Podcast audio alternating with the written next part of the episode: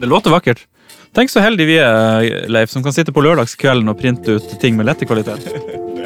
Altså, Med jevne mellomrom, når livet henger tungt på ryggen, og de klamme, likkalde hendene fester grepet rundt halsen på meg, har jeg en seiersfantasi som jeg oppsøker. Gjerne mens jeg er på badet, i fosterstilling på det varme baderomsgulvet, eller i fosterstilling i bunnkaret til dusjkabinettet, eller i fosterstilling under en haug med håndduker i en krok under stellebordet.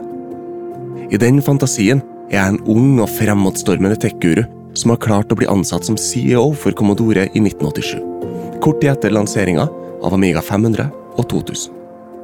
I fantasien har ledelsen i Commodore innsett at plattformen har stagnert, og at de har hvilt for lenge på laurbærene. Det er min jobb som geni å snu på flisa og endre kursen til selskapet. Jeg gjør utallige smarte grep. Drep det ene dødfødte prosjektet etter det andre, lurer store summer inn i R&D, overbeviser store selskap som Microsoft til å gi ut programvaren sin for Amiga-maskinene. Og jeg sørger for at neste generasjon maskiner er akkurat de genuint solide oppgraderingene Amiga-plattformen så sårt trenger på slutten av 80-tallet. Jeg legger også grunnlaget for overgangen til en ny arkitektur for Amiga-maskinene, som skal bidra til å holde dem relevant også inn gjennom 90-tallet, mens 68K-prosessorene blir stadig mindre relevant. Dette har vært en oppløftende fantasi som har gitt farge i kinnene og et glimt i øyet. I denne fantasien holder jeg lanseringsshow og dukker opp i intervju. Og jeg møter personlig på The Computer Chronicles for å demonstrere produktene. Jeg er alt det Steve Jobs var, uten å være en dritkjip psykopat. Men jeg har lært at jeg alltid må kjempe meg opp fra under hånddukhaugen min og komme meg på beina før 90-tallet er over. For uansett hvor mange ganger jeg har gått gjennom planene mine i hodet, uansett hvor mange forskjellige retninger jeg tar selskapet, så klarer jeg aldri å berge Commodore fra konkursen. Før eller siden går det til helvete. Den unge, karismatiske CEO-en har blitt grå og begynt å miste håret. Microsoft gasser all konkurranse med Windows 95, og Steve Jobs ender alltid opp med å gapskratte hele veien ned i grava. I del to av Amiga-episoden skal vi se på Amigaens spektakulært lite imponerende død. Ikke så mye en supernova som en liten fis i mørket. Vi skal riktignok snakke om tidenes feteste Amiga, nemlig Amiga 3000. Men vi skal også se på Amiga 600, 1200 og 4000. Det er som Steve Jobs pleide å si, man kan ikke tilfredsstille alle sammen hele tida. Så fjern det her jævla hodetelefonhølet og lim fast alt sammen! Velkommen til Retropodden. Amiga 3000. Ja. Jeg vet jo at dette er din favorittmaskin. Ja. Var den her du skulle ta med deg i dommedagen? Ja. Ok, Det første jeg kan si, er at det er en meget pen maskin. Ja. Dette kom ut i 1990, stemmer det? Sommeren 1990 kom det som skulle bli Amigaens første reelle oppgradering. Som Amiga-bruker i 2021 Åh, shit. Som Amiga-bruker i 2022 er det lett at de forskjellige Amiga-modellene glir litt over i hverandre. Tanken bak Amiga 3000 var å gi ut en Amiga-modell som inkorporerte alle de vanlige oppgraderingene som folk kjøpte Amiga 2000 sin, i én liten nettkasse. Amiga 3000 har derfor plass til 16 MB ram rett på hovedkortet. Den har innebygd SCSI-kontroller, scandubler og kjører en 68030 CPU som er klokka til 16 eller 25 MHz. Den kommer også med ECS-chipsettet, som støtter flere oppløsninger og flere farger. Og Amiga 3000 kom med Amiga OS 2, som er en massiv oppgradering. Nå skal det sies at Amiga OS 2 ikke var helt ferdig da Amiga 3000 ble lansert, men det ga plass til det som faktisk er det aller kuleste med Amiga 3000. Den kan dual-boote. Så med oppstart lar deg velge om du vil boote Amiga OS 1.3 eller 2.x. Oppstartsprogrammet skjer da etter ei kickstart-fil på harddisken som samsvarer med valget og bootemaskiner. Siden den bare skjer etter ei kickstart-fil med riktig navn, kan man i prinsippet bute hvilken som helst versjon av Amiga OS. For meg er Amiga 3000 den perfekte Amiga-modellen. Men jeg anerkjenner jo selvfølgelig at den har sine svakheter. Og det er jo objektivt sett ikke den kraftigste maskina. La oss høre på Peders reaksjon. Ok, interessant. Så nå er vi inne. Det første jeg ser her, er kickstart-meny. Så Ja. da kan du velge mellom kickstart 1.3 eller 2. Og Kickstart 1.3 det er det Amiga 500 og 1000 som kommer. Så det betyr at kjører du det, så kan du kjøre ganske mange spill der, vil jeg tro. Riktig. Og det eneste grunnen til at vi er her nå, det er fordi jeg holdt inn begge mustastene ved boot. Hadde jeg ikke gjort det, så hadde den boota inn i det nyeste Kickstart 2, som er tilgjengelig. Så, så vil det si at hvis du velger Kickstart 1.3, så gjør du det, for da har du lyst til å spille spill, på en måte. Mens Kickstart 2, da er det mer nå skal du jobbe. Ja, Eller spille fancyere spill. Da 3000 kom ut, så var Kickstart 2 såpass umodent og kronglete å ha med å gjøre. Det var bare i beta-stadiet ennå. Så de, de, de la det inn sånn at du, skulle liksom i fremtida kunne enkelt få skvisa inn. Jeg har bare lyst til å nevne at Kickstart er det rommen maskiner loader med, på en måte. Ja. Så det er operativsystemet, kan man si det? Ja, det er de, de aller de, liksom basisingrediensene i operativsystemet. Så det er versjonen av operativsystemet egentlig som man velger her. Når man emulerer Amiga, så har det alltid vært det at du må ha en kickstart for å emulere den ordentlig. Ja. Og den er copyright, er den ikke det? Ja. Så det har alltid vært et problem at du kan egentlig emulere Amiga gratis, på en måte, men du må kjøpe kickstarten eller hente den ut av din Amiga for at du skal gjøre det lovlig. Riktig. Selvfølgelig har den dukket opp på nettet, så det er enkelt å laste ned, men det er en eller annen fyr som eier rettighetene til den. Ja, ja. Som tjener gode penger på det. Riktig. Ok, så jeg har lyst til å se Kickstart 2 i action. Ja. Og da kan vi velge mellom floppy eller harddrive. Så det er om den skal bute fra det som er i floppyen, eller det, det som er i harddisken. regner jeg med. Riktig. Nå har Leif gitt meg perm i fanget her. Jeg ga han Peder manualen til Amiga 3000 her. Using the system. imens. Jeg kan si Det er en av de tjukkeste manualene jeg har sett i mitt liv. Ser ikke fryktelig profesjonelt og fint ut?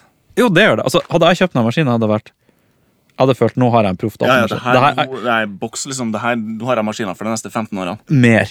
Ja. Jeg kommer ikke til å trenge noe mer enn det her. Mm. Mye diskette, mye programvare. Det her er... Jeg skjønner hva du mener. Jeg ble litt forelska i Amiga 2000. Mm. Jeg tror enda kanskje det er min favoritt, Ja. uten at jeg har sett den her ordentlig action enda. Eh, men jeg må si det er fristende med den bakoverkompatibiliteten, Mm. samtidig som det, som det er veldig fremoverlent. ja.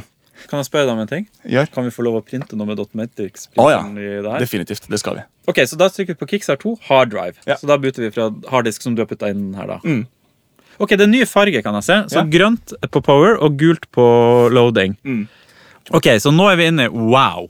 Mm. Wow. Nå er vi ikke inne i Workbench 1.3, det kan jeg si med en gang. Ja. Eh, så så det her, nå er vi inne i noe som for meg ser ut som et veldig moderne operativsystem. Mm. Det, det vil si um, Det ser fresher ut enn Windows 95, vil jeg si. ja, det føler jeg at du har rett i. Og fresher enn Windows 98. Men vi er ikke på XP. Nei, vi er ikke det. Det her er da uh, Workbench 314. Og, og når kom den ut? Den kom ut i fjor. I fjor. Ja. Så, så, så nå viser vi jo på en måte prakteksempler av hva en 3000 kan gjøre med dagens programvare. egentlig. ja. Det kan du si. Ok, så Jeg har bare lyst til å ta utgangspunkt i det, så da, så da har jeg lyst til å leve med, med Amiga 3000 sånn som vi opplever den i dag. Ja. Og det her skal sies en stokk Amiga 3000. Her er det ikke noe kjappere prosessor eller noe mer ram eller noe annet enn det som er på hovedkortet. Det er veldig kult. Så den kjører jo veldig smooth, Mm. den her moderne workbenchen som, som da kom ut. Og det her det ser altså så proft ut. Og nå har vi 16 farger her, og Hi-Res interlaced. Så for alle sammen som er vant med Amiga, så vet vi at det å sitte på workbench i interlaced, det, det blir, får du helt vondt i hodet av. Ja. For det, det, det flimrer sånn. Men nå kjører vi ut fra den innebygde scandobleren, flickerfixeren til Amiga 3000, som gir da et veldig stabilt og fint bilde på en VGA-skjerm. SVGA-skjerm.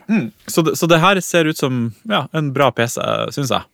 Ja, Sånne skjermgreier. kjempefint. Vi kan kjøre på oppløsninga enda mer hvis vi har lyst. Gjerne. Da får vi bare fire farger. da. Wow, så mye plass. Fonten blir liten, men enda leselig. Ja. Så, så man kan faktisk kjøre Hva er oppløsninga nå? Her kan du se Nå 14, i- 1440 ganger 566. Stemmer Ja, det? stemmer. Ja. Så det er, jo- det er jo en veldig Altså, jeg mener, i 1990 Ja. Jeg mener, Det er en ganske heavy oppløsning. ja, det er helt sjukt. Det er jo det Macbooken kjørte i 2008, hvis du skjønner? ja. Eller over det, egentlig. Det er ganske rart. Nå reduserte jeg fargene til åtte. Da blir, da blir brukergensersnittet enda litt mer snappy. Ja. Men jeg syns det ser så fint ut med 16 farger. Så jeg gjør det, selv om det går litt tregere. Mm. Så nå er vi i, i, i Leif sin favorittsetup her med 16 farger og, og en ok oppløsning. Nå vet jeg ikke helt hva det er på. 724 ganger 566. Det er det vi kjører i nå. På en- er plenty. Ja, på en stor Nokia CRT-skjerm. Og uh, her kan jeg se, jeg sitter langt unna. Jeg kan se helt fint hva det går i. Ja. Så Amiga 3000. Ja. Hva var det man brukte det her til? Amiga 3000 er eh, Og det her tror jeg ikke er et kontroversielt utsagn. Det er den high-endeste Amigaen som har blitt produsert. Og det, det var et ord jeg likte. High-endest, dette. Ja. Så den, den, den var dyrest og best designa. Det er muligens kontroversielt, men den, den har alt. Jeg skjønner, jeg, jeg er imponert. Altså, det her er jo Altså, det her er jo en profesjonell maskin. Jeg kunne jo sittet og jobba med den her. Mm. Men, men hva brukte man den til i 1990? Spilte man på den? Altså, man kan spille. Så sjekk her til deg. Ok, Så nå er Leif i gang. Han har igjen satt inn en hemmelig diskett. Men jeg ser det fordi han kjørte denne disketten i sted, så jeg ser jo at det her er det flysimulatorspillet. Ja. Så eh, det her er jo spillet som han som designa Amigaen, var så fornøyd når han spilte, fordi han så hadde klart å designe en maskin som klarer å spille et flysimulatorspill. Og jeg har jo en følelse at du setter det på for å vise at det går smoothere. Ok, Så en ting jeg ser med en gang, nå, nå har vi det, et sånt bilde som den viser mens den Mm. Skjermen er mye crispere. Altså, det er ikke høyere oppløsning på det bildet, men det er, bare, det er mye smoothere, det er mye mindre flickering. Det, er liksom, det, det her er en ordentlig god Det føles som en ordentlig god DOS-maskin på en eller annen måte. Jeg vet ikke om det er et kompliment eller ikke, men Kjempekompliment altså, til en Amiga. Ok, så da er vi i gang. Ok, det her var ganske mye smoothere, ja. Det her er jo så smooth som det kan bli. Ja, det, det, det, ikke noe, det går ikke an å få noe smooth. Her er jo 60 frames i sekundet, minst. Supernice. Utrolig smooth å se på. Ja. Uh, og altså, det er ingen tvil om at denne Amiga 3000 kan game. Ja, ja, ja. Eh, Mye smoothere enn Amiga 1000, Amiga 500 og Amiga 2000. ja, ja, ja. Fins det mer spill lagd til Amiga 3000? Skjønner du hva jeg mener? Spill som, som ikke er kompatible med 500 000 og 2000? Nei, altså egentlig ikke. På den tida her, så nesten alle spill som kom ut, de eh, hadde Amiga 500 som spekkmål. Jeg skjønner, for det var ikke, no, det var ikke noe poeng å lage uh, spill til en mars... Altså, Amiga 500 solgte mye mer kopier. Ja, det var det som var. Det var ingen som laga spill for Amiga 3000. Og i tillegg til å ha en mye kjappere prosessor, så har jo 3000 også mye mer ram. Og den har en del fetere uh, screen modes, i bunn og grunn. Så for eksempel Colonization, som vi spilte på Amiga 1000, har angivelig mer musikk og litt sånne ting når du kjører på 3000. Riktig, så man kunne velge å utnytte Så man kan tenke seg at folk som satt og programmerte, lagde kanskje spillet på en Amiga 3000 for du har en harddisk, det- ting er litt lettere. Ting litt, ting litt raskere. Og da får du, blir du kanskje frista til å bruke litt av maskinvaren, men, men du må sikte deg inn på 500. Ja, jeg tror det var sånn de stort sett tegnet. Og så var det jo en del spill som dro nytte av mer ram, f.eks. Settlers. Mm. Jo mer ram du har i Settlers, jo, jo eh, større kart kan du spille med. Og jo mer musikk får du, jo mer lydeffekter får du. og sånne ting. Skjønner. Ok, Er det noe produktivitetsprogramvare du kan vise meg? Så med en Amiga 3000 så er jo egentlig all produktivitet litt enklere og finere å ha med å gjøre. Ja, Du får mer plass på skjermen, det er lettere å se hva man holder på med. Og det går kjappere, du trykker på en knapp. Ja, alt går fortere. Det som jeg tenkte vi kunne se på her, er bare Octamed Sound Studio. Mm, så det er en tracker. Eh, I Amiga var det veldig populært med trackere, altså musikkprogram. der du Du henta inn samples, og så la du det inn, spilte den ut i C, og så spilte den ut i D, og så spilte den ned, så du liksom pitcha samples opp og ned. på en måte. Ja. Og jeg vil jo tro med en 3000 så får du heavyere samples, bedre musikk. Ja, eller Du er jo uansett begrensa til Amiga-chipsetet. Lydchippet i Amigaen forandra seg aldri. Så det som jeg tenkte vi kunne høre på her nå, det er Stardance av Bjørn Lynne. Den norske legenden Bjørn Lynne. Ja, Vi må nesten si noen ord om det før du trykker play. Bjørn A. Lynne, ikke sant? Å, ja, ja. Var ikke det han het? Jeg syns alltid det var det det sto på Ja, det demoen og sånne ting. Doktor Awesome, i hvert fall. Ja. Han var en, en E, en legendarisk Amiga-tracker, eller musikkomponist, som har lagd musikk til veldig mange bra Amiga-spill. har han ikke det? Han har laga musikk eh, for Amiga-greier, men han har jo også jobba for Team 17 i, i mange år etterpå. Mm. Og laga masse, masse spillmusikk. Ja, så han, han er norsk komponist, og han er en legende i Amiga-miljøet. Jeg til og med husker i Vadsø. Bjørn A. Lynne. Jeg tror han het det. altså. Kom til Vatse, til meg. Hans ånd la seg over byen. Ja, ja, ja. Så alle visste hvem Bjørn A. Lynne var. på en måte. Og vi drev og hørte på hans musikk og fant det på tracker, og det var helt genialt. det han holdt på med. Ja, det, han, eh, han er kjempeflink. Så nå skal vi få høre på Stardance. var det? Stardance, ja. Ut av en Amiga 3000, ut av studiohøyttalerne til eh, Leif. ja. Så Stardance det kom på en Amiga Forum-diskett. Den her uh, Medden, som det heter, uh, har jeg hatt siden jeg var liten. Så la oss bare kjøre den.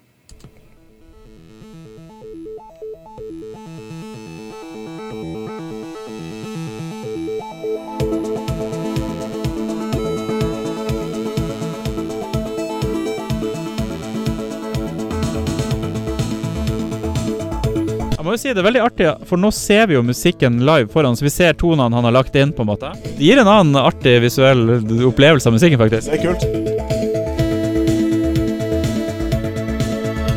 Ja, jeg syns det var fint, da. Det er fint, ja. Det er dritfint. Jeg venter litt nå. Vi må høre på det. Skal vi se.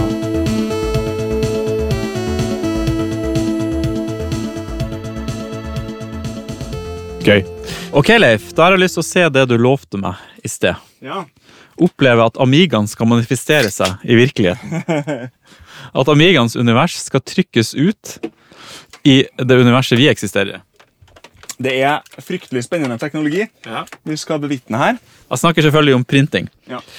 Så uh, Leif har nå opp eh, Eller det vil si, Leif har alltid koblet opp Dotmatrix-printeren sin til Amigaen. Ja. For som du sier, det er jo, du bruker den jo hele tiden. Jeg har Dotmatrix-printer kobla opp til Windows 10-PC-en min. òg. Mm. Via USB. Så det Det er det det går i når man først skal ha noe ut. Ja, det skal stå på matriseskrivere. Ja. Så um, jeg vil jo tro at uh, Amiga 3000 har printa mye i sitt liv. Amiga 3000 da. Oh, ja. Folk må jo ha skrevet mye. Det ser ut som et veldig behagelig oppløsning å skrive på. Det som jeg tenker vi kunne gjøre nå, er rett og slett bare å kopiere ei fil til Mhm. Mm. Ok, interessant. Jeg kopierer startup-sekvensen min til parallellporten. Ok. Så du sender eh, rå data nå ut av parallellporten? Og der begynner vi å gå. Ok, Skal vi høre på det? Det var alt. Skal vi bare se på det du har skrevet ut her. Så det her var startup-sekvensen din. User-startupen min. Ja, Riktig. altså det her er din autoexecpat. Ja. Det er liksom dot matrix, og det er jo små prikker som lager alle ja. Det er egentlig jeg har nesten aldri opplevd en dot matrix-printer før i virkeligheten. Den her eh, matriseskriveren som har her, det er en nipunkts matriseskriver. Som er da på en måte low end. Nå skrev vi ut i draft mode. Ja, Nå skal vi skrive ut i fin mode. Skal vi prøve å printe et ordentlig dokument og bare se hva som skjer? Ja, la oss prøve det. Har du noe dokument eh, liggende her? Vi, vi tar bare og printer noen noe Octamed-greier, siden vi, vi var inne på det. Mhm. Så her, nå er jeg inne på den fulle manualen, så la oss bare se om, om vi klarer å printe ut en liten del av den. da. For det her. Ja, ok, Så her er en del tekst, det er noe grafikk her. Ok, Leif, setter du på letter mode, da, sånn at vi får den fineste printerkvaliteten? La oss prøve det. Sånn, Da blir det spennende å se hvordan en Amiga printout med den beste kvaliteten blir seende ut. Så da er vi i gang å printe i lette kvalitet her. Mm. Og vi hører jo at den lager en annen lyd, den bruker mer tid. Mm. Den forrige kom jo ut på sånn sju sekunder, og etter sju sekunder er vi bare på første linje her. tror jeg. Ja. Skal vi la lytteren høre litt på lyden? Det låter vakkert. Tenk så heldige vi er, Leif, som kan sitte på lørdagskvelden og printe ut ting med lette kvalitet. Det altså, Thug Life. Jeg synes jo det, det er ingen bedre måte å bruke lørdagen på enn en, en, en Amiga og printere. Mine printere det er Star-printerne. Mhm. Jeg har ganske mange av dem etter hvert. Eh, Men den som jeg hadde, var en LC200 eller LC24200. Det er en LC100. Og den 24 den har 24 pins. Den lager en helt annen lyd. Mye djupere og sånn, eh, fin sånn bassaktig lyd. Men eh, den skriver ut så detaljerte fonts. Det er helt fantastisk. Den Utskriften fra den er like fin som den eh, 4000 kroners laserskriveren som har stående inn på Ok, da begynner vi å komme i mål her. omsider.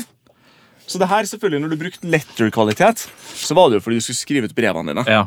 Skal vi se, da. Wow! Det her er noe helt annet. Mm. Så mens den andre kvaliteten draft, det, det, det, det er litt grått, det er litt prikker, det, brukes mindre blekk, tydeligvis. Du kan se pikslene, vil jeg si. Mm. Eller prikkene, er vel mer riktig. Det er dots. Dots. Mens her er det bare helt smooth, ser kjempebra ut. Det ser ut som ja, moderne print. Mm. Det er veldig, veldig fint. Ja, Amiga 3000. Jeg blir gladere og gladere i den. Er det sånn at man sier tekst og font, og så er det printeren som formaterer det? En moderne printer så sender du jo grafikk, og så Ja. printer den det ut. Jeps, riktig. Den her har innebygde font, syns seg. I printeren så ligger det inn italic og bold og underlined og alt mulig sånt. Og tekstbehandlerne sender data om hva printeren skal gjøre. Riktig, så printeren eier fonten, har fonten og liksom velger hvordan den skal printe. Jeg skjønner, ok. Men det her tekstbehandlingsprogrammet som jeg har, WordWord 5, sender grafikk til printeren. Så printeren er i stand til å ta grafikk. Ah, Mm. Men det programmet vi printa med nå, valgte å bare sende teksten? Ja, De aller fleste programmer som kom ut da de her printerne her var i salg, er sendt ut tekst og instruksjoner til printeren. Så den her sender grafikk. da Du kan skrive ut det som er på bildet her. Interessant. Mm. Så, Amiga 3000. Hva syns du, Peder? Ok, så, så Amiga 3000 eh, Jeg er imponert over maskiner. Altså, den er my mye penere å se på, mye mer moderne det jeg opplever at vi får ut av workbenchen. selvfølgelig og sånne ting. Mens de andre maskinene er litt 80-talls. Mm. Og så føler jeg nå er vi i en moderne verden. Her kunne jeg sittet og jobba. Ja. Amiga 3000, da får du på en måte det beste fra to verdener. Så, så jeg skjønner godt at det her er din favoritt-Amiga. Det ble jo solgt en Amiga 3000 på Finn ganske nylig. til 15 000 kroner. Dæven, 15 000, ja. Amiga 3000 er en veldig ettertrakta maskin på bruktmarkedet. Fordi den er ganske sjelden. Eh, Det ble jo ikke solgt så mange av den, fordi den var veldig veldig, veldig, veldig dyr. Mhm. Amiga 3000 er en råere maskin enn Amiga 4000. Mhm. Men den har ikke AGA. Og hva betyr AGA? AGA er den her siste oppgraderinga for Amiga-plattformen.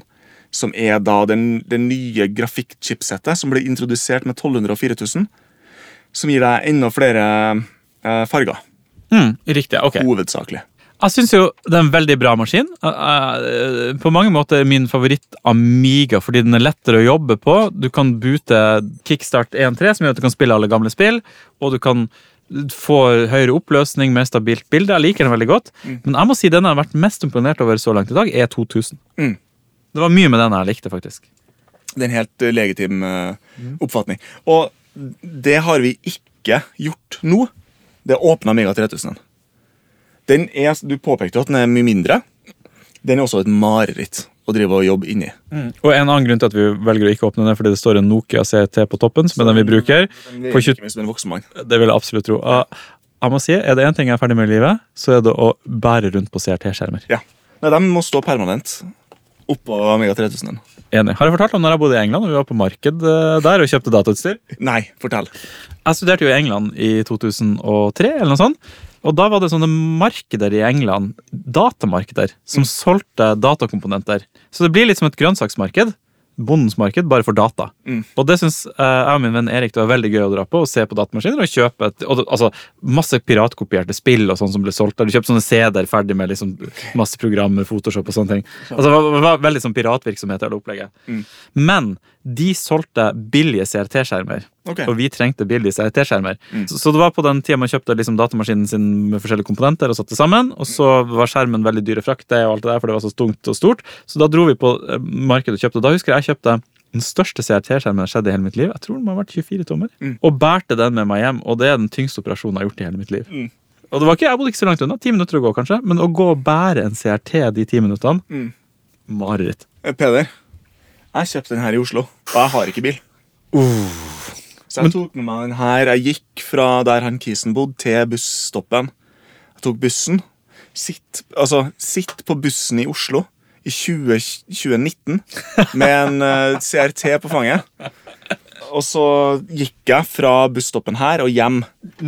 Så, Det er langt, faktisk. ja, ja. Det er ikke noe, det er ikke noe liten tur. Å Gud, og det er så tungt. Du går og bærer den på magen, og så må du snu den rundt. Og det er virkelig Og så må du sette den ned på benken og slappe av litt grann underveis. mm. Jeg så du hadde noen G5 eh, og, og de Intel Mac-ene. Altså de første liksom tunge Mac-ene. Å, de er tunge! De og en CT-skjerm. Da er du i gang. Altså. Ja. Taxiene plukker deg ikke opp engang. Nei, nei, nei, nei. Du får ikke lov til å komme på bussen, for det er sånn her fare hvis bussen krasjer. Så flyr den G5-en. Ok, men det var Amiga 3000. Ja. Og da er neste Amiga 600. Ja. Og det er akkurat den samme innmaten som 3000, eller? Ikke i nærheten engang. Nei. Så det her blir spennende. Ja. I 1992 ble Amiga 600 lansert. Da jeg og min bror gang på gang krangla om hvem som skulle få bruke Amiga 500-en vår, var det en Amiga 600 som ble løsninga. Min eldre bror var rask på avtrekkeren når det kom til å legge krav på den nye maskina. Men for oss, da, var det lite som skilte Amiga 500 fra en Amiga 600. Det er mye snakk om at Amiga 500-spill og programvare ikke funker på Amiga 600. Jeg husker ikke hvor kickstart-diskettene jeg og broren min av en eller annen utrolig grunn hadde så mange av, kom fra. Men vi hadde egentlig aldri de problemene. Maskiner var på mange måter en veldig marginal oppgradering av Amiga 500. Men Amiga 600 har et par S opp ermet. Det er i stor grad snakk om ting som kanskje ikke var så mye å skrive hjemme om i 1992, men som kan gjøre maskiner til en interessant Amiga-maskin for en bruker i 2022. Den har det samme ECS-chipsettet som Amiga 3000, så det betyr noen flere farger og oppløsninger. Den kommer med 1 MB ram standard, og med en billig minneutvidelse er man oppe i 2 MB ram. Den har også innebygd ID-kontroller, noe som gjør at det er såre enkelt å få harddisk på maskina. Og sist, men ikke minst, har den PCMCIA-port, av alle ting. Dette er en port som enkelte kanskje husker fra gamle IBM-kompatible laptoper. I dag kan man bruke den porten som minneutvidelse, en slags ekstern harddisk eller til internettforbindelse. PCMCA er nemlig den billigste måten å få en Amiga på nett, både via Ethernet eller wifi. Da Amiga 600 ble lansert, var det mange som klaga på dårlig kompatibilitet med Amiga 500-programvare. Men i dag, med VHD Load og flust av kickrom-disketter lett tilgjengelig på nett, er ikke det noe å tenke på. Amiga 600 er en maskin som var en enorm skuffelse for mange i 1992. Men i dag er det en veldig praktisk og nett maskin som gjør alt man forventer av en Amiga 500, og mer. Ok, Leif, da sitter vi her. Ja. Da har vi flytta oss opp igjen, og vi har kobla opp Amiga 600. ja. Og det her er for meg en veldig, veldig rar maskin. Mm. Altså, jeg husker Mitt første møte med den her var hos Gutu-guttene Å ja, dem, ja. i Vadsø. De hadde en Amiga 600. Da kjente jeg ikke til historien til Amiga 600 i det hele tatt, som du nå har fortalt. Det endrer det litt. Men jeg vet de var ofte hos oss og spilte Amiga 500, så det må ha vært noe de har ønska seg, kanskje julegave eller noe sånt. Men de hadde også en 286 på loftet som jeg syntes var veldig spennende. Så på juleselskapet pleide jeg å gå opp dit og se det liksom spill og dirr og se hva som var der, og teste de. Det, det syns jeg var mye kult. Men de fikk den Amiga 600-en, og det føltes som en nedgradering fra 500. Ok. Så ingen av spillene vi hadde, stort sett funka på den. Og når jeg sitter og ser på den nå, så er det jo en, det er en mye mindre eh, maskin en Amiga 500. Jeg har tatt bilde av den som vi kommer til å legge ut på Facebook. så du kan se. Det føles som en eh, PS4 Slim eller noe sånt. ok. Eh, og, og det var sånn den opplevdes også som en Den ser mer moderne ut, den har veldig fint design, men den er liksom mindre og, og mer lettvektig, og den, spillene funka ikke på. Jeg, jeg, jeg skjønte den ikke. Så, så det er mitt utgangspunkt når jeg sitter og ser på den. Hvis jeg tar bort hele det minnet, og bare ser på maskinen som den er, så er det en meget pen, liten, kompakt datamaskin. Ja. Mitt første møte med Amiga 600 Det må ha vært rundt den tida da den ble lansert. egentlig Vi hadde en Amiga 500 Jenta som du har sett ned her nå. Og jeg og min bror Vi krangla veldig mye om hvem som skulle bruke den. En dag så kom farsan hjem med en Amiga 600. For en far. Så da ble den den andre personen sin. Eh, og jeg tror da min eldre bror var ganske rask på å claime Amiga 600. Vi så ikke heller noen fordel med Amiga 600. Eh, men i hvert fall, det, den ble min bror sin. Og så jeg, da fikk jeg den gamle 500. Riktig. Jeg syns du gjorde en god eh, handel der. ja. Eller det skal vi jo nå snakke litt om, da. Ja, fordi det var det vi har snakket om den her tidligere i dag. For jeg ville tro at det var et sort får i Amiga-familien. En, en, en Amiga du ikke likte, på en måte. Men du har vært overraskende positiv til den, så nå er jeg litt spent på å se, se hva vi skal få oppleve her. Det er, som du ser, veldig, veldig kompakt. Det er egentlig ganske briljant uh, design, sånn internt. Amiga 600 har en ID-kontroller på hovedkortet. IDE. Ja. Så du kan kjøre en harddisk. ja. Du kan bare plugge en harddisk rett i hovedkortet, og så har du harddisk på Amigaen din. Ok. Den har også da en sånn ekspansjonsport under, som Amiga 500 har. Hvis du setter i minnet der, så er du oppe i 2 megabyte. Ok, nice. 1 megabyte som er på 500. Du, jeg la merke til en annen port også på siden her, som ser ut som en sånn stor SD-kortleser. Det er en PCMCA-slott. Som er for så vidt en eh, litt sånn fremoverlent, men merkelig ting av dem å, å sette der. Men det som man kan gjøre med en sånn port i dag, det er da å sette i et sånt sånn her. Skal vi se, jeg har nå hentet en, Det ser ut som en min harddisk av noe slag, eller sånn, det? Solid state. Det er Network PC card. Ja. Trådløst nett. Ja. Instant wireless. Tuller du med meg? Nei? Kan du få trådløst nett på en Amiga 600? Ja, det der er wifi-kort. Nå begynte Amiga 600 å vokse litt på meg. må jeg Så innrømme. den her kjøpte jeg på internett til 15 dollar. Og det er alt du trenger for å få wifi på 600. Ok, jeg merker Det her blir en spennende, spennende del av eh, programmet. faktisk. Så, så du får faktisk Det her er et PC-kort, egentlig, Ja, men det støtter seg. Ok, det her er veldig veldig kult. Det driver alt for Amiga. da. Ok, Jeg begynner å bli litt overbevist. Um, er, det noe mer fordeler med den her? Den har det samme chipsettet som Amiga 3000 har. Betyr det at den kan vise sånn high def-grafikk og sånn? Ja. Så den har noen flere oppløsninger og flere farger sånn enn Amiga 500, eller tidligere Amiga-modeller. Den har den samme prosessoren til Amiga 500, så den har ikke den kjappe prosessoren til, til 3000. Mm, så det er en Det er litt bedre. Summert, ja. kan du si. Den kom ut i 92, 92. og Amiga 500 kom ut i 87. Ja, Så fem år etterpå så kommer du med en, det er en liten oppgradering. En marginal oppgradering. Og, og prisen var blitt ganske mye dyrere òg. Den, den kosta vel sånn ca. en tusenlapp mer, tror jeg, i Norge. Ja. Du, skal vi teste tastaturet? La oss teste tastaturet. Veldig Amiga 500. Ja. Er det samme tastaturet? Ja. Litt, det føltes litt mer klikke. Den, den maskinen er veldig rein. Det, det er ikke noe gulning på den. Den ser veldig fin ut. Ellers så er alle knappene her eh, bare mer kompakt, men det føles ut som tastene er like store. Så Ja. vi har bare spart plass på sidene og oppe spesielt. da. Ja. Amigaen, hvordan gjorde de med kjøling, de som ikke har vifte? Det de er bare Det er lufta. da. Eh, Har Amiga 4000 vifte, f.eks.? Amiga 4000 har vifte i strømforsyninga. 3000 òg? Ja. Riktig. altså Det er bare det her kompakte som ikke har vifte. Det er jo veldig nice å slippe vifte. For der ligger jo strømforsyninga på gulvet et sted. Ok, du, Skal vi kjøre den på og se hva som skjer? La oss prøve.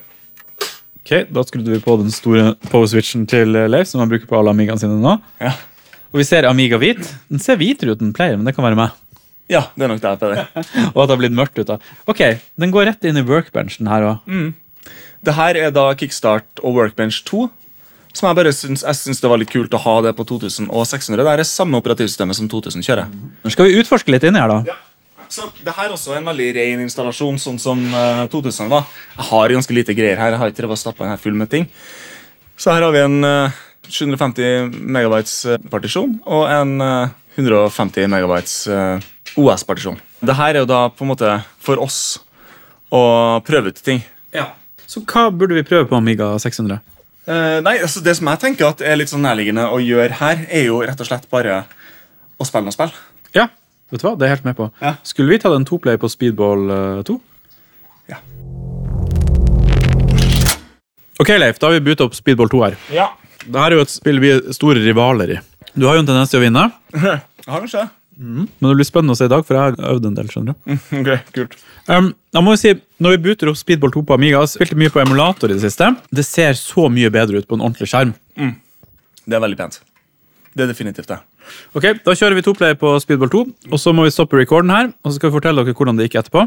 Jeg ville satt pengene mine på Leif. Ja. uh, jo, men det tror jeg jeg er enig med deg, Peder. Å ja, du tar den. Ok, da er vi faen meg i gang. Ok, Så jeg er faktisk i ledelsen. Jeg leder med ti poeng. Det vil si jeg skårer ett mål. Ok, Så Ja. vi gikk tilbake i opptak fordi det var så intenst. Et av de mest intense speedballspillene jeg har spilt noen gang. Nå har du liksom satt opp eh, tempo, skjønner jeg. Der, ja. Ok, så Joysticken er bare utrolig responsiv. Utrolig deilig å spille. Jeg skåra to mål, Leif har skåra null. Det her er jo et mirakel. Leif, bare ikke du får et mål da. det. Ai! Ai, ai, ai, ai. Ok, Så stillinga er nå 21-22. Ja. Nei, nei, nei, nei, nei! nei, nei, nei, nei, nei. Oh! Åh! hva, hva naboene tenker. Ja. Du er høylytt fyr. Vi kan ikke spille noe. Jeg er ikke høylytt i noe annet enn spill. Ok. Det er 40-70. Det er ikke så mye leder her nå. Nei, det er nesten dobbelt så mye, da. Ja, nå begynner panikken å sette inn hos meg. Frykten. Jeg tror ikke jeg kan vinne det. bare. Det er det som er problemet. Og hvor er forsvaret mitt? 60-70. 12 sekunder. Åh. Der, ja. Da er det bare å holde ballen i spill. Der tok du minus. Da går jeg mye, mye saktere. Livsfarlig. Å, der er! Oi, Yes! oi, oi, herregud, for en fantastisk følelse. Det er første gangen jeg vinner over Leif i speedball. Veldig bra jobba, Peder. Takk. Det var best av tre. Vi endte på 70-60 på siste, altså jeg vant med ett mål, så vidt. Ja. Takk, Leif. Jeg følte litt at du lot meg vinne. Skal sies du hadde dårlig stikke underveis, en god del, men Altså, men uh, Ja. Det, litt, det var litt sånn av og på med den forrige joysticken. Men zipsticken er jo niceste, og du vant jo der. ja, men når du uppa gamet de siste 25 sekundene, så skårte du tre mål på 25 sekunder. Flaks. Det er hyggelig du sier det. Du, jeg må si jeg liker Amiga 600 bedre og bedre. Det har, du, sagt om Nei, det, har du sagt om alle maskinene bortsett fra 3000. Ja, faktisk. 600, det er en, jeg syns det er en merkelig maskin. Jeg syns det var veldig fornøyelig at den lot meg vinne speedball, men enda så er det Jeg forstår den ikke helt. Jeg forstår den ikke helt. Jeg skjønner ikke Commodore sitt valg om å lage den. Men eventyret ender jo ikke her. Leif har jo så mye maskiner, og det er så mye gøy vi skal gjennom, så neste på programmet er da en maskin som kom ut seint i 1992. Stemmer ikke det? Det høres riktig ut. Og det er Amiga 1200. Hør på det her. Amiga 1200 ble lansert i 1992, samme år som Amiga 600. Den tar med seg den innebygde ID-kontrolleren og PCMCA-porten fra Amiga 600, bytter ut prosessoren med en 14 MHz 020 og kommer med 2 MB ram standard, og introduserer verden for det fabelaktige, om enn to år for sene, AGA-chipsettet. Prosessoren i Amiga 1200 har ikke bare dobbelt så mange megahertz. Men gi den litt fastram å jobbe med, så er maskinen nesten fire ganger så kjapp. Amiga 1200 har også muligheten til å utvide med 8 MB ram i utvidelsesporten, eller betydelig mer dersom rammen sitter på et akseleratorkort. Som altså et annet begrep for prosessoroppgradering. Amiga 1200 er fremdeles ikke i nærheten av like kraftig som en Amiga 3000 når det kommer til rå regnekraft. Men det er også snakk om en maskin som koster en brøkdel av prisen. Under 5000 kroner. Det er omtrent det samme som det kosta for et kurant Windows 3.1-kompatibelt VGA-kort i 1992. I retrospekt er det lett å si at Amiga 1200 var for lite, for seint. I 1992 var 386 ei rimelig maskin, og kom gjerne med Vega-grafikk og i det minste noe lyd. Men det var aldri jobben til Amiga 1200 å konkurrere mot en diger, bråkete stasjonær PC. Det var det Amiga 4000 som skulle gjøre. Amiga 1200 hadde vært tjent med mer ram og en kjappere prosessor, eller en HD floppy drive og muligheten for enkel oppgradering til eksternt CD-rom, eller å alltid være bøndla med harddisk. Men jeg var også veldig tjent med den lave prislappen. Det er veldig vanskelig å kritisere Amiga 1200. Det var en ganske fabelaktig hjemmedatamaskin med tanke på at den, også justert for inflasjon, kosta vesentlig mindre enn foten til Apples nye Retina-skjerm. Jeg må jo si, det her er en maskin jeg gleder meg ordentlig masse til å teste hos deg. Amiga 1200. Dette er jo en maskin som kun én i Vadsø hadde Magnus. Okay. Han var noen år eldre enn oss, og han var opptatt av å lage musikk. Og sånne ting. Og han hadde Amiga 1200. Jeg har bare hørt om den, jeg har aldri sett den på ordentlig. Så det her er første gangen jeg ser en Amiga 1200. Mm. Og den ser jo helt fantastisk ut. Det ser ut som en blanding mellom Amiga 600 og Amiga 500. på en måte. At den er tight og kompakt, men den har num-keypaden. Den, liksom, den har liksom hele den greia. Og den er mye hvitere enn de andre Amigaene. Ja, det, det er jo egentlig ikke det. Det er bare at den her har et uh, nytt chassis. Som Ja. er produsert i 2016 eller noe sånt. Ah, riktig. For tastaturet er Amiga 500.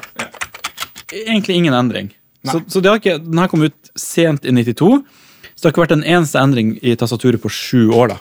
Eh, nei, riktig. Vet du hva? Det er vel ikke noe mer å tenke på, det er bare å bute opp. Ja, La oss sjekke hva som skjer. Fargene på lyset på denne Amigaen, veldig tydelig grønt på power og gult på loading. Som jeg mener er samme som vi hadde på vår Amiga. Så det her føles mer ut som en Amiga, sånn som jeg husker Amiga. Oi, oi, oi! Nå ser jeg det at Leif har kobla i wifi-kortet. Ja. For det er jo samme port på den her som på 600. Så han har nå kobla til trådløst nett. Eh, Skal vi få oppleve Amiga på internett? Nei, vi får se, da. Er det her den største dagen i mitt liv? Nei, se her. Det er noe Jeg har vunnet i speedball, og jeg skal få lov til å oppleve en Amiga på internett. Jeg kan ikke tro det. Jeg tror ikke du kommer til å gjøre det bedre. Nei, Det ser ikke sånn ut akkurat nå. Det ser ut som at jeg mangler noen libraries. Så det her er jo veldig stort for meg. Det her er første gang jeg har vært på internett med en Amiga. Og at det skjer med en Amiga 1200 er jo enda artigere, fordi det er jo en maskin jeg har drømt om, lurt på hvordan er, og ja, hadde mange spørsmål rundt. Og nettleseren heter da iBros, og Ja. den blir enda oppdatert. Ja, det er forholdsvis nytt at de har begynt å oppdatere den igjen. faktisk. Det var på en måte den mest moderne nettleseren for Amiga i 2007. eller noe sånt kanskje. Men nå har de da sånn smått begynt å pumpe ut noen nye oppdateringer. Og i går så ble jeg sittende opp her og jobbe veldig hardt med å få lasta ned ADF-er og skrive det over på disketter, og alt mulig sånn, sånn at vi eh, skulle få det så enkelt som mulig i dag. Uten at det nødvendigvis ble realiteten, men det Kan jeg si en ting? Jeg så en siste fil du kopierte, var en key. Ja, Er det lisensen til det er lisensen. Ja, så du har kjøpt en lisensnøkkel? Mm. Det, det syns jeg er veldig gøy, altså. Så nå har jeg kjøpt den browseren. Den demoversjonen er litt begrensa. Nå, nå slipper vi det. Så nå får vi den fulle opplevelsen av internett på en Amiga 1200. Wow, wow, Leif. Så det her er en datamaskin som kom ut i 1992. Ja. Og akkurat nå så driver jeg og stirrer inn i et browser-vindu som tydeligvis har åpna en nettadresse og viser et bilde ja. av et egg. Jeg tror det er meningen at det skal være en planet. Og der er vi. Wow. Se på det. En nettside som er rendra på en Amiga. Ja. Med bilder og CSS, tydeligvis. Det her er jo helt utrolig. Det her er jo litt av styrken til Amiga 600 og 1200. er jo den, den PCMC-avslåtten. Nå er vi jo på wifi. Vi er på wifi. Ja. Eh, nå skal det jo da sies Det her er ikke en stokk Amiga 1200, men den er ganske beskjeden. Den har 8 MB ram, i tillegg til de to som er på. Og så har den en E EC020-prosessor, som er den som vanligvis står i. Men den er klokka til 32 MHz istedenfor 14. Oh, ja, riktig. ja. Blir den varm? eh? Nei. Jeg kan klokke den opp til 40, tror jeg. Ja, Hvorfor var det ikke vanlig å klokke det? Nei, det, altså, det er en annen versjon av den samme prosessoren. Ah, ok. Ja, men den, det, Så du altså, kunne ikke klokka stokken? på en måte? Nei, det tror ikke jeg. Altså, Jeg kan ikke tenke meg at en 286 hadde klart å rendre en sånn her side. Tror du det? 286 hadde vært klart det der. Det er godt å høre. Magic of the Amiga. Ja, det er det. Som du ser her nå, det, det her er jo litt begrensninga med den oppløsninga vi kjører i. Ja. Heder fikk veldig fort kløe av det her interlaced screenmodet som vi var i. Og det gjør jo da at nettsidene her nå De litt- klarer sånn cirka å se Ja, altså det, det er veldig lite informasjon per skjerm. Hvis vi nå tar og moser det opp på uh, Hires interlaced, skal vi se at det blir fort litt artigere. Nå ser browseren mye bedre ut. Nå er det mye mer plass i browseren. Ja. Ok, så nå er vi på internett med en Amiga. Dette eksemplaret er registrert i Leif uh, Kielland. Gøy. Står det det? Ja, her. Kult. Du har lagt inn nøkkelen din, så den har uh, låst den til deg. på en måte. Det første jeg testa nå, var Aminet. Ja. Uh, for meg så er jo hovedgrunnen til å ha en eh, ha Ethernet eller wifi på en sånn her type Amiga, er bare sånn at du enkelt skal få tilgang på for filer som du trenger. Som, som i stad så mangler jeg det her ASL library av en eller annen merkelig grunn. Og da måtte jeg over på en, på en maskin som har Ethernet, for for å få flytta over det enkelt. Um, det å få flytta over informasjon på Amigaen kan være litt kronglete. Men hvis du har en 600 eller en 1200, så koster det 10 euro for et sånt wifi-kort. Og da kan du bare sette i deg, gå på nett og hente ned de filene du trenger. Så eh, nå er vi på Aminet og kan laste ned filer. Og det vil si alt mulig, egentlig. da. Ha, har de piratvare der òg? Altså spill og sånn? Bare legitime greier. Ja, Det er ikke noe kickrom. Nei. Jeg kan nesten tenke på det som en, som en slags sånn GitHub for Amiga-ting. Ja. Hvis man er litt tålmodig altså Det her uansett er mye enklere enn å sitte og fomle over filer fra en PC til en Amiga. Ja, Nå går Leif inn på vhdownload.com, hvor han da kan laste ned ferdige VHD-filer. sikkert. Ja, Og her er litt piratvare. ja det, her er det, her, det her er helt uh, supershady. Hvis man kan si det om noe som ingen har tjent penger på på 15 år. da. Her kan vi gå og laste ned et spill som vi har lyst til å spille. Så Vi har lyst til å spille Lotus ja, men da går 2. vi Kan vi gå og laste ned Lotus her? da går vi laste ned Lotus, og så spiller vi det. Kan du eh, skjønne hvor stort det her hadde vært i 1992? Og gått på nett, lasta ned Lotus og spilt det? Ja, Altså, det hadde ikke blitt noe større. Altså, det var altså, jeg husker jo første gang jeg var på nett, hvor man kunne laste ned ting. Altså bare MP3-er, på en måte. ja. Og det var jo i 98-99 kanskje at jeg fikk muligheten til det. Her- jeg mener Det gikk jo treigere enn det jeg opplever når Amigaen her går. Hadde jeg denne browseren og Amigaen i, i, i 98, så hadde jo det vært en veldig fornøyelig opplevelse. Det her er ganske sweet, det her, altså. Nå laster vi ned Lotus. Du, Den hadde ikke klart å spille en MP3 av den, da? Nei, nei, ikke den her, nei. Okay.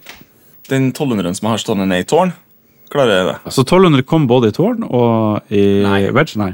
Det er en litt sånn uh, kontroversiell uh, løsning som jeg Jeg har valgt min. skjønner. Du har tatt 1200 ut og putta den inn? Det var kult i 2005. Ikke så kult uh, Ah, skjønner. 2021. Så det var en kul pimp man kunne gjøre. Ja. så nå gikk jeg inn i Director Opus. Og da er det bare å velge den fila du vil ha, og hvor du vil ha den, og så trykk Ja. på ArkExt. Så filmanageren, på en måte, Ja. Norton Commander her, og så pakker den det nå ut. Og der er vinmappa. Å, og den var til og med ikon! Det visste jeg ikke. Ja da. Så det her var et diskettspill, men de hadde lagt inn et ikon, faktisk. Ok, da er vi i gang. Da skal vi kjøre en god runde med Lotus.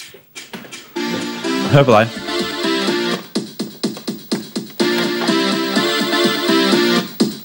Jeg likte denne maskinen veldig godt. Ja, den er veldig bra. Jeg må innrømme at Leif vant, faktisk.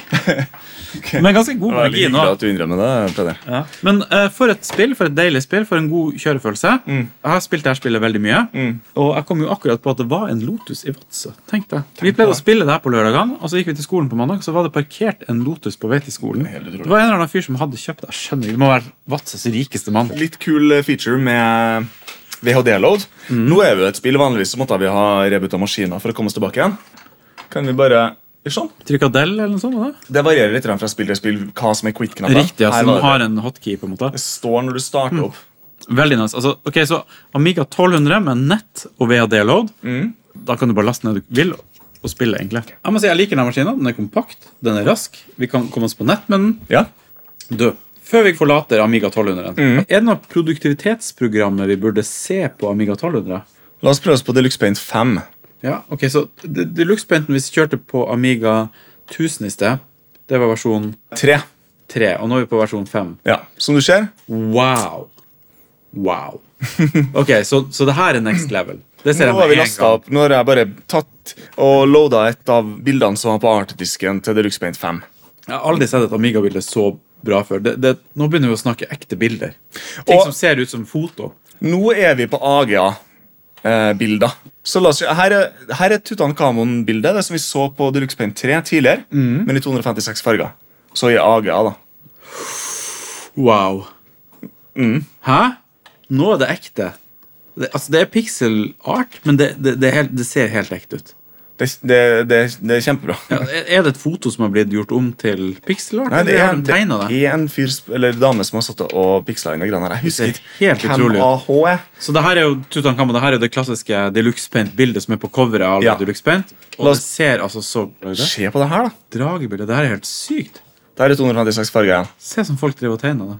Er alt tegnet for hånd, tror du, eller brukte Ja, de det er helt sikkert tegnet for hånd. Jeg vet i at mange av de folkene som drev og laga de her eksempelbildene i Deluxe Paint, var sånne pixel art-folk. Du, det her er jo en utrolig maskin, syns jeg, faktisk. Når alt Ja. kommer til alt. Så artig at du sier det. Peder. Så, så jeg ville si at 2000 og 1200 så langt kanskje er mine favoritter. Nå har vi fått vært på nettet med en Amiga 1200. Vi har lastet ned spill. Vi har spilt spill. Vi har kosa oss ganske mye. Ehm, vi har sett på bilder som er helt utrolige, vil jeg si. Ja. Og i hvert fall i 1992. Eh, og de ser enda fine ut i dag på mange måter. Ja.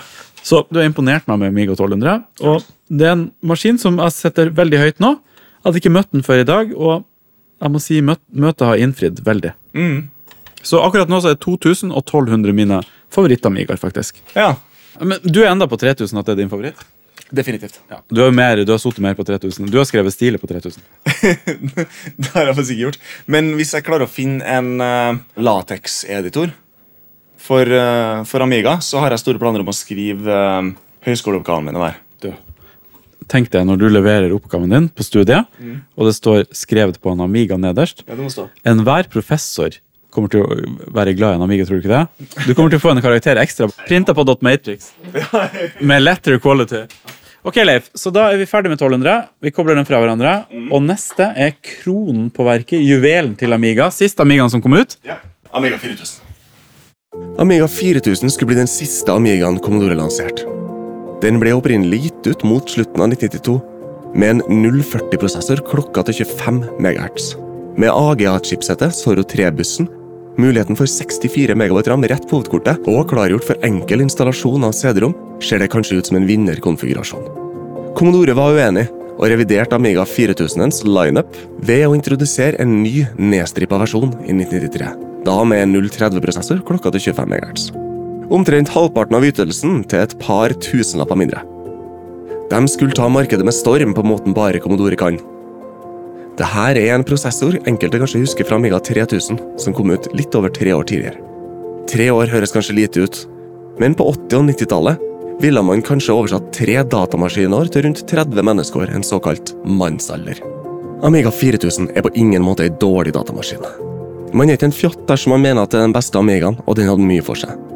Der Amiga 3000 var så liten og kompakt at man måtte være Tetris-mester for å gjøre noe så banalt som å få skvisa inn to floppy-stasjoner sammen med harddisken, var Amiga 4000 romslig nok til at man kunne klemme inn en CD-rom uten problem.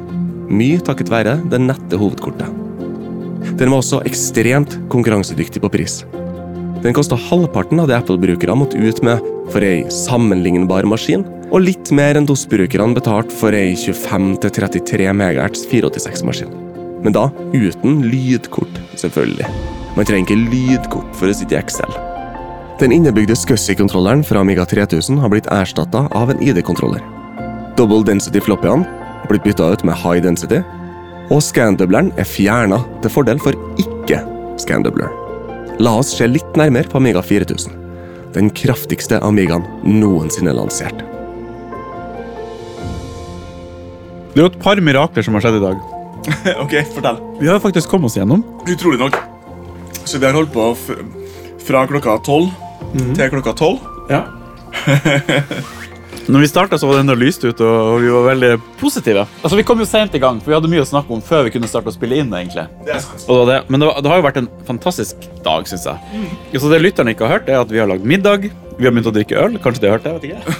ja, det kan jeg ta. Har vi liksom egentlig dykka dypere og dypere inn i maskinene, selv om vi har snakka mindre og mindre om dem.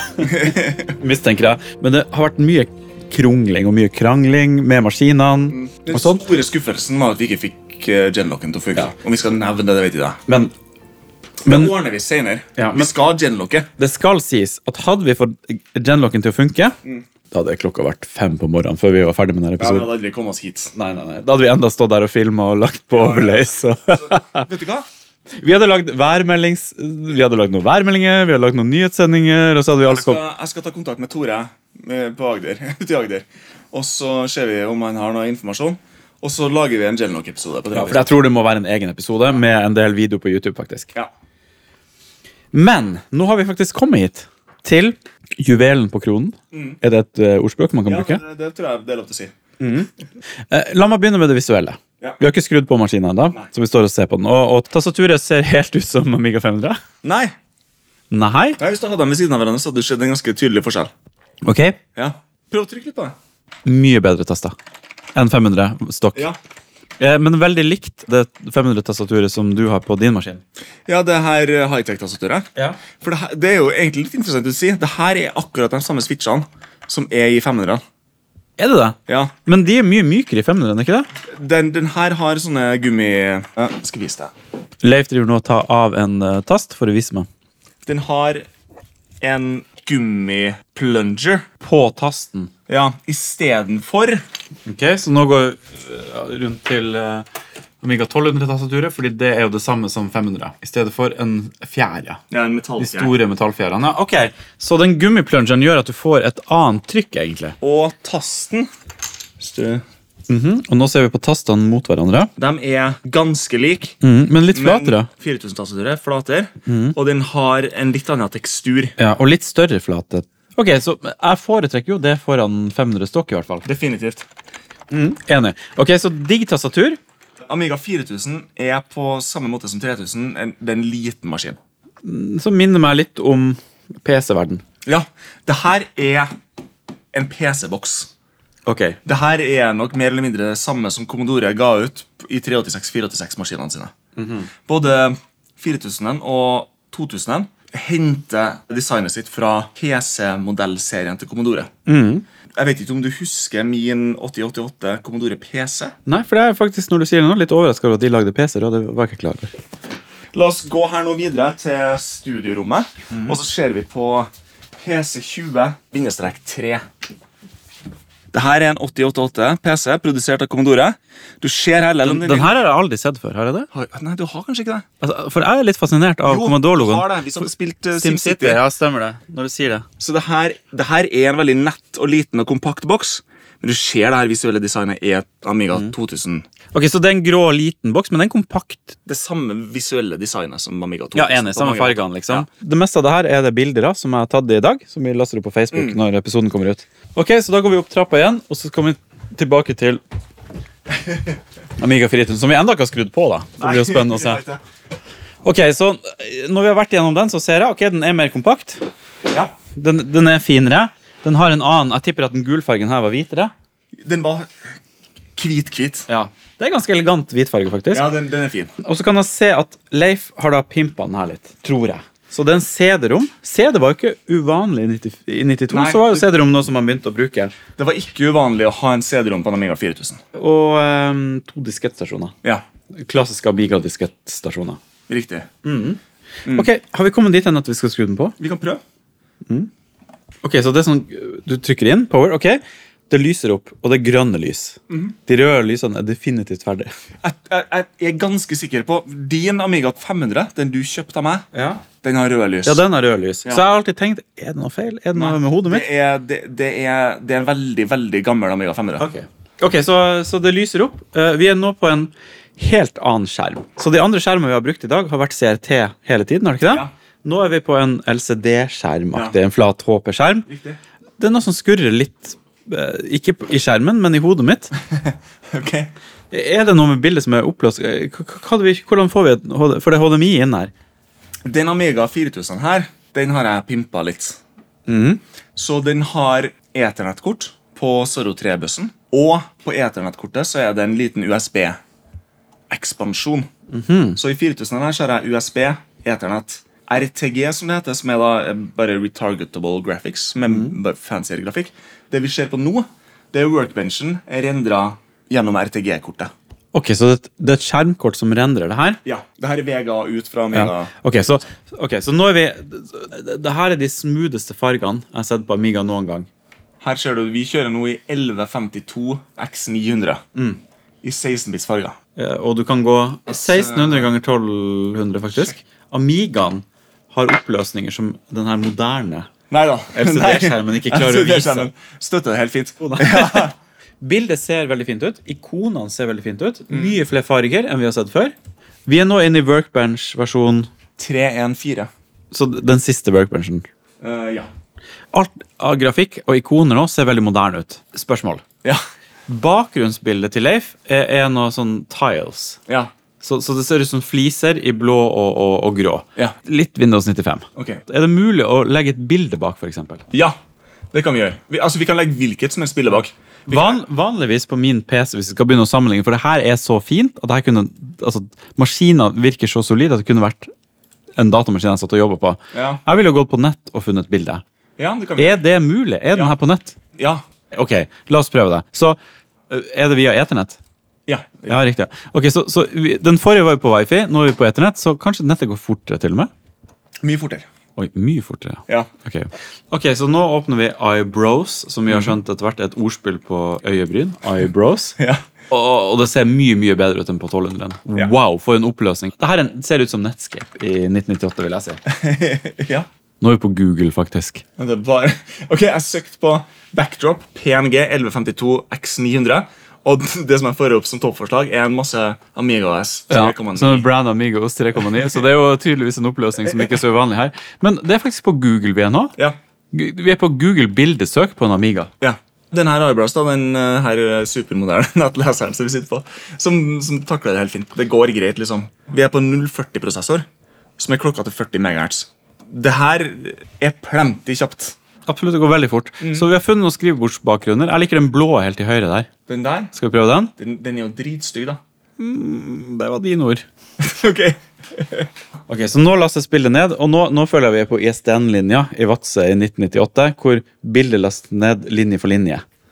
Ja. Skjønner du hva jeg mener? Ja, det er det vi sitter og gjør nå. Man lastet ned MP3-er, det tok gjerne en dag, og så kunne man høre litt på den mens den lastet ned. Og det samme var det med bilder, du, du sitter bare og venter på at linjene skal komme ned. Og nå begynner det å nærme seg nå. Ok, så da har vi fått ned et eh, flott Amiga OS-bilde her. Vi kan nå se en flott backdrop på Amigaen som viser oss at JPEG er helt støtta. Ja. Så nå har vi vært gjennom alle Amigaen. Vi har fått sett mye gøy. Vi har spilt mye Amiga 500-spill på alle sammen. ja. Er det noe Amiga 4000 kan, som Amiga 500 ikke kan? Veldig, veldig mye. Så det er et par ting som er kulere med Amiga 4000 også enn Amiga 3000. En av de tingene som jeg setter veldig pris på med Amiga 4000, er at den har audioheader på hovedkortet for CD-rom. Ok, Så vi kan høre på lyd-CD. Jepp. Og den, den bare blender rett inn sammen med audio uten. Så nå har Leif putta en CD-rom inn i en sånn boks som mamma hadde for å få den til å spille av. Ja. Og putta det inn. Der, ja.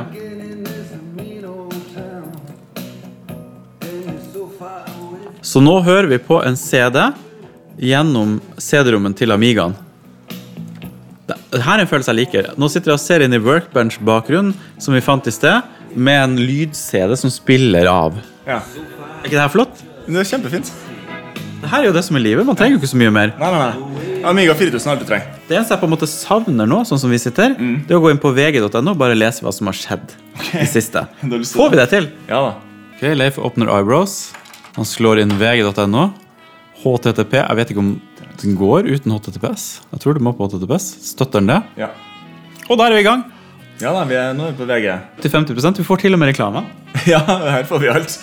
Og bildene og alt mulig. Du, Leif, for en fantastisk dag vi har hatt. Vi har vært gjennom hele Amiga-historien, og nå sitter vi her på slutten av Amiga-historien. En maskin fra 1992. Hører på musikk, fin jazzmusikk. Leser vg.no. Første personen jeg vet om som har kalt Dire Straits for jazz. Det er jo jazz. Jeg tror våre lyttere er enig i at det er jazz. Vi kan se på bilder av han der Haaland, han der fotballfyren. Ja. Altså, denne maskinen er jo mer moderne enn den maskinen jeg har med meg. Altså, det her, er, det her er bedre enn en, en Macbook, for å si det sånn. Ja, Det merker jeg faktisk. Og så skjermen mye større. Ja, Veldig stor skjerm. Er det lov å kose seg så mye? Hvis det er ulovlig, så har ikke jeg fått det memoet. Amiga-plattformen har levert i aller høyeste grad. Vi har fått lov til å oppleve et moderne operativsystem og en moderne brukeropplevelse på en maskin som er vel 30 år gammel.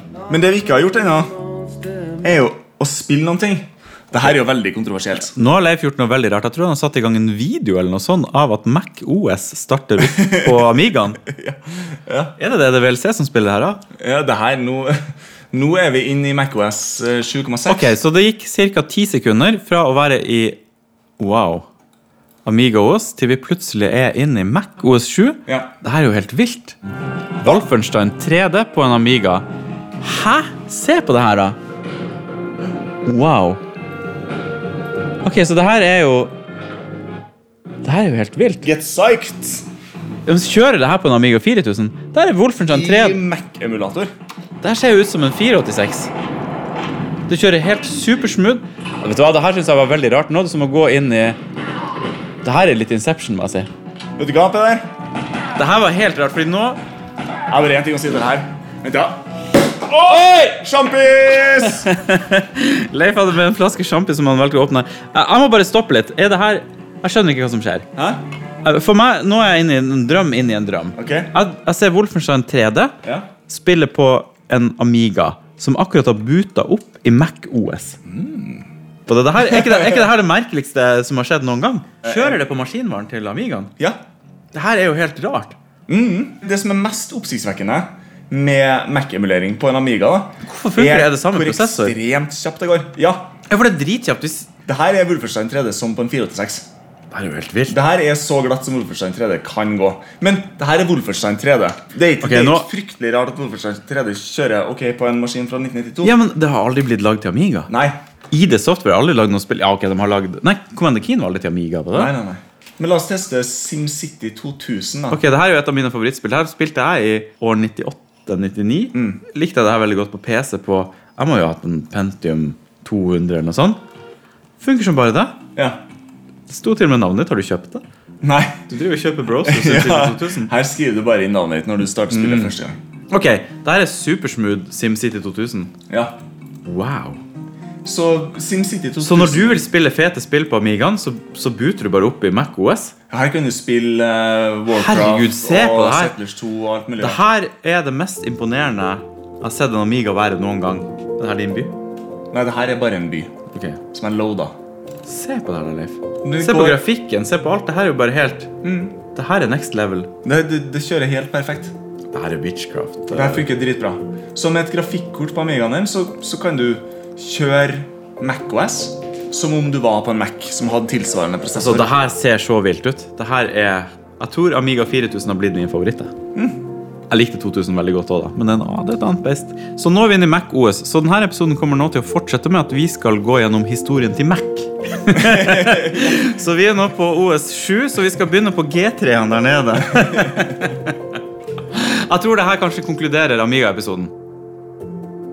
Nå har vi sett på de fleste Amiga-modellene. I hvert fall de primære modellene. Og for min del er denne siste epoken i Amiga-eventyret ganske stusslige greier. Det er nok litt fordi det ebba ut på en så lite bemerkelsesverdig måte. Amiga 4000 var et monster Commodore forespeila. Det var ikke maskiner folk hadde drømt om å eie, maskiner som skulle ta verden med storm, og som kunne være i stand til å redde et selskap fra seg sjøl. Amiga 4000 var et stopgap. En livbøyle som skulle holde selskapet flytende lenge nok til neste store innovasjon. Arkitekturen som skulle være for 486 S-Vega samlastergenerasjonen. Det Amiga 1000 var for 8088 monokrom PC-speaker-generasjonen. Amiga 4200 var ikke nok til å redde Commodore. Og i dag ligger jeg her, på baderomsgulvet under et tårn av fuktige håndduker, og fantaserer om alt som kunne vært gjort annerledes. Jeg fantaserer om å knippe Steve Jobs på øret under CS i 1991, og jeg tenker på alle de morsomme anekdotene jeg kunne ha fortalt på Amiga Vake Reunion 20 år etter.